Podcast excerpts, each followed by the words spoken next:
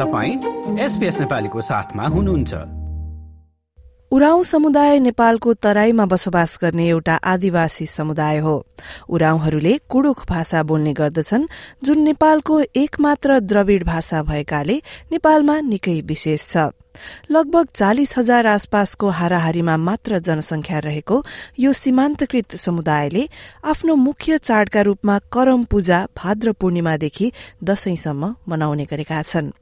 काठमाण्डुको शिल्पी नाटक समूहमा आबद्ध नाट्यकर्मी र उराउ संस्कृतिकी जानकार संगीता उराउँसँग नेपाल संवाददाता सेवा भट्टराईले करम पूजा र योसँग सम्बन्धित गीत संगीतको बारेमा गरेको कुराकानी सुन्नुहोस्। अस्ट्रेलियाबाट प्रसारण हुने एसबीएस नेपालीको यो पोडकास्ट श्रृंखलामा।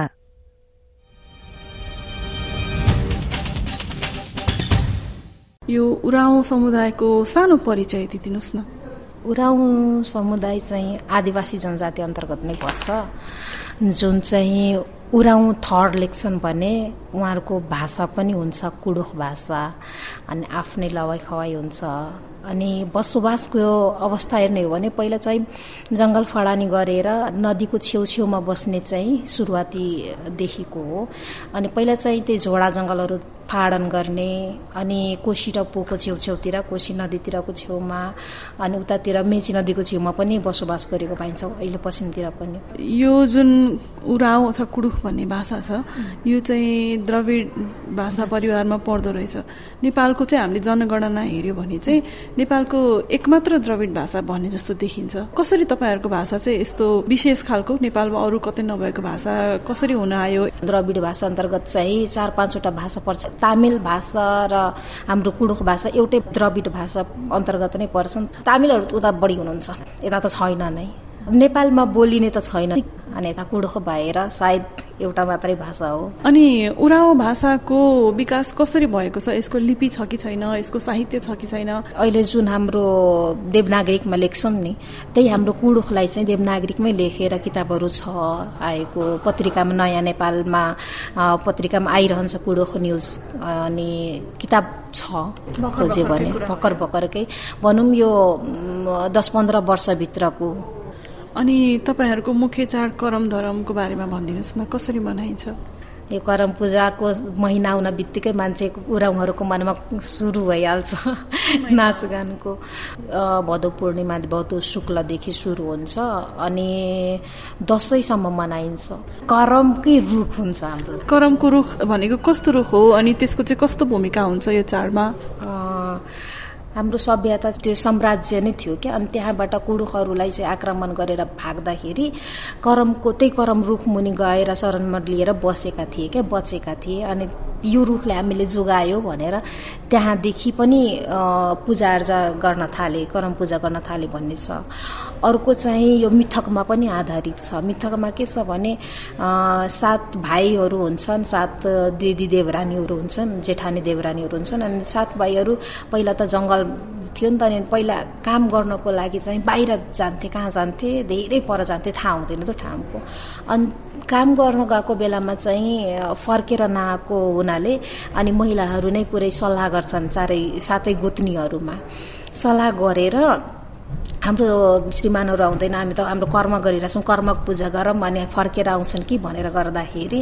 अनि सबभन्दा जेठानी हुन्छ नि जेठानीले कुरा राख्दाखेरि सबैजना मान्छन् ल गरौँ भनेर अनि दिन तोक्छन् अनि करम पूजाको दिन नै चाहिँ उनीहरू त आइरह हुन्छ बाटो भुलिसकेको हुन्छ किनकि जङ्गलै जङ्गल हुन्छ बाटो भुल्छन् अनि जुनेली रात हुन्छ अनि कुनै पर एकदमै धेरै पर चाहिँ पिलिक पिलिक बत्ती बलिरहेको हुन्छ क्या। अनि सिकार खेलिरहेको हुन्छ सिकार खेलेर बसेको हुन्छ खानेपिने बाटोमा त त्यही।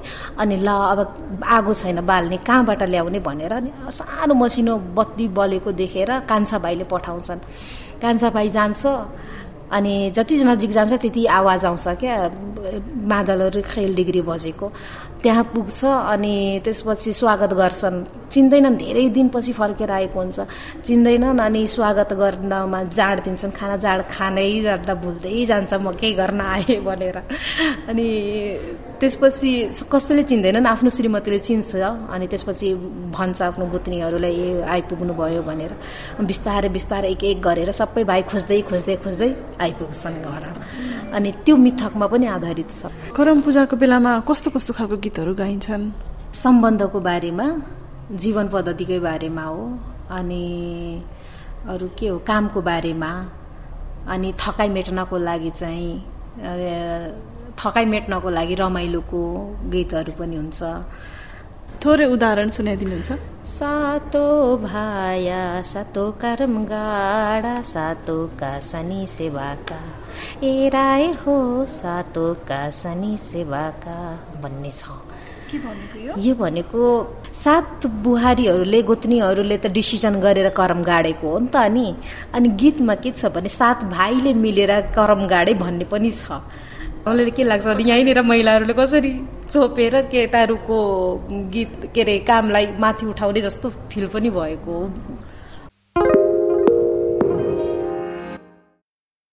अनि जस्तो यो करम पूजाको चाहिँ प्रक्रिया चाहिँ कस्तो हुन्छ? जस्तो कि करम गाड्नुभन्दा त हप्ता दिन अगाडि नै हामी जमरा राख्ने चाहिँ चलन छ।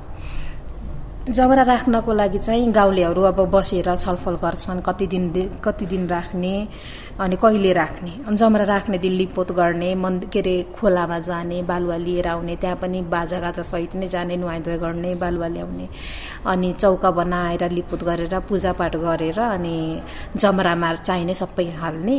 त्यसको हप्ता दिनपछि चाहिँ करम पूजाको दिन।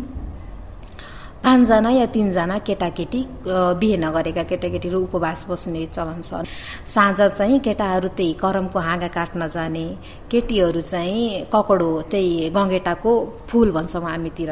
त्यो प्राय धान खेतमा हुन्छ क्या बिउ छरेको खेतमा। त्यही टिप्न जाने केटीहरू अनि आउँदाखेरि दुइटै केटाबाट केटीबाट आएर मिलन हुन्छ अनि एकअर्काले नहेर्ने अनि त्यहाँ मजाले सटासाट गर्ने अनि लगेर जाने त्यसपछि खानपिन गर्ने।